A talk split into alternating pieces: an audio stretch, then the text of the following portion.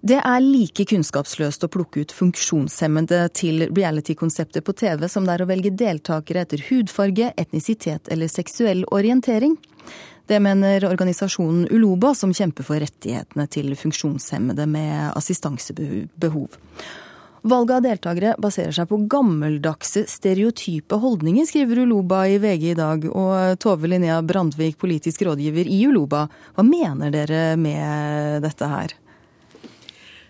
Når man setter sammen en deltakergruppe med utelukkende en begrunnelse på en diagnose, eh, så forteller det veldig lite om variasjon. Altså, på globalt basis så sliter man å definere funksjonshemma.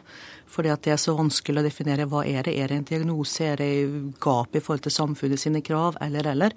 Så når man da velger å sette det sammen, så blir det en veldig sånn stereotyp tankegang i forhold til at det er en diagnose, det er en feil med mennesket, som gjør at du kan settes i den båsen.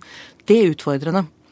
Men den største utfordringa er jo strengt talt at man ikke er synlige på andre flater.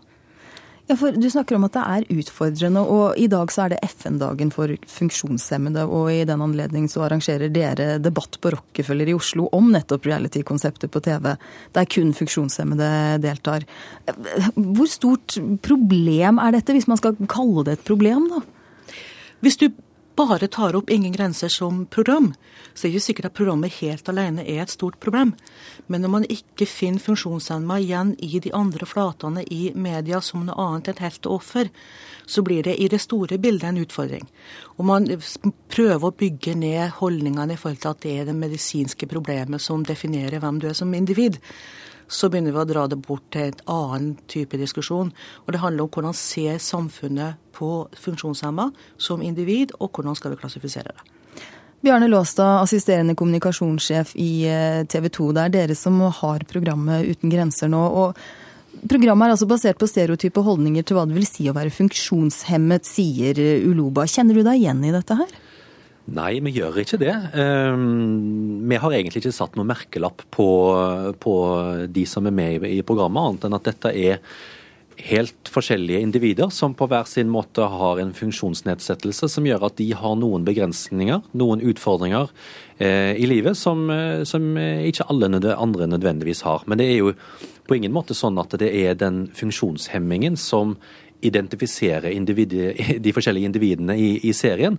Eh, selv om en sitter i rullestol i, både i livet og, og, i serien, så er det jo eh, måten en eh, takler turen på, måten en eh, forholder seg til sine deltakere på, er en god omsorgsperson, at en har humor, at en, at en er, er, villig til å, til å samarbeide sammen med de andre. Kort sagt hvordan en er som et helt menneske. Det er det som eh, identifiserer eh, de deltakerne som er med på Ingen grenser. Men som Brandtvik eh, nettopp sa her, så, så glimrer nesten funksjonshemmede med sitt fravær i andre sammenhenger på TV.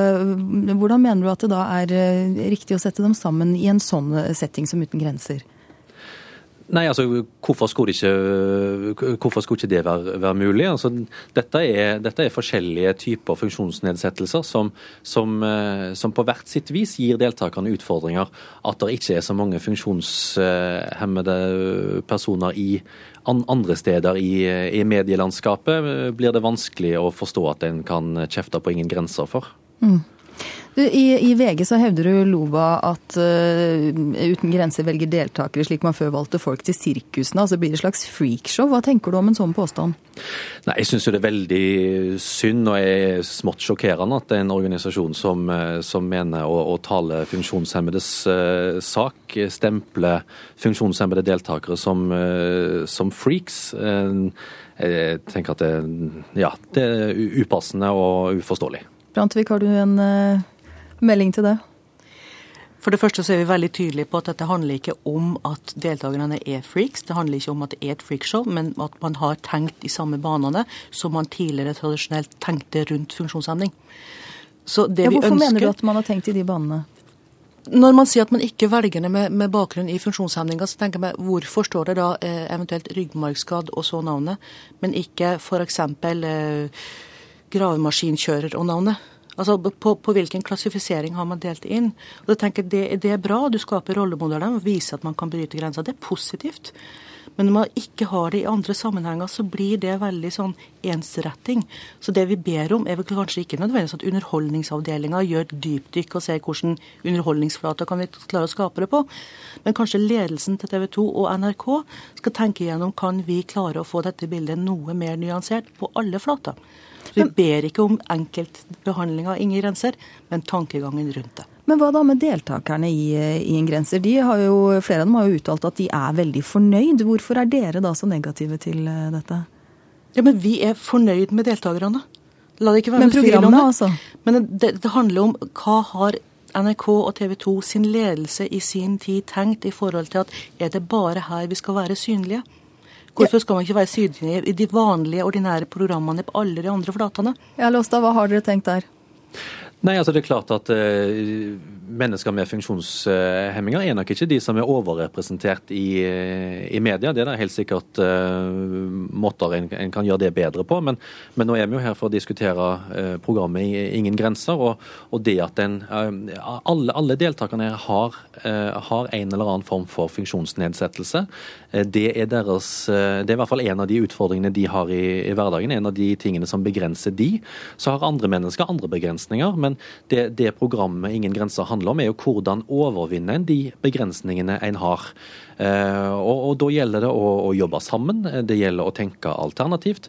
Og, og, det å på en måte strekke seg litt lenger enn det som en kanskje vanligvis eh, ville gjort. Og Det tror jeg både funksjonshemma og, og vanlige, vanlige funksjonsfriske seere vil, vil kunne la seg eh, både imponere og inspireres av. Brantevik, en kommentar eh, til det helt til sist. Bare veldig kort, Hvorfor finner man da ikke rom for de deltakerne i de andre reality-konseptene? For å vise nettopp at man er en del av den ordinære befolkninga, ikke en særgruppe? Kort kommentar til det, Låstad. Ja, det, det, er flere eksempler på at det har vært eh, deltakere med funksjonsnedsettelser i andre, mer vanlige reality-programmer. så Det har vi sett før, og det kommer vi helt sikkert til, til, å se igjen. Men det er klart at i en, i en søknadsbunke til programmer som Robinson og Farmen og 71 grader nord osv., så, videre, så, er, så er det nok ikke så veldig mange uh, av de. Uh, men, men, at de har både vært der innimellom, og at vi kommer til å se det igjen, det er helt sikkert. Det får bli siste ord om denne saken her. Takk til dere begge. Tove Linnea Brandtvik, politisk rådgiver i Uloba, og Bjarne Låstad, assisterende kommunikasjonssjef i TV 2.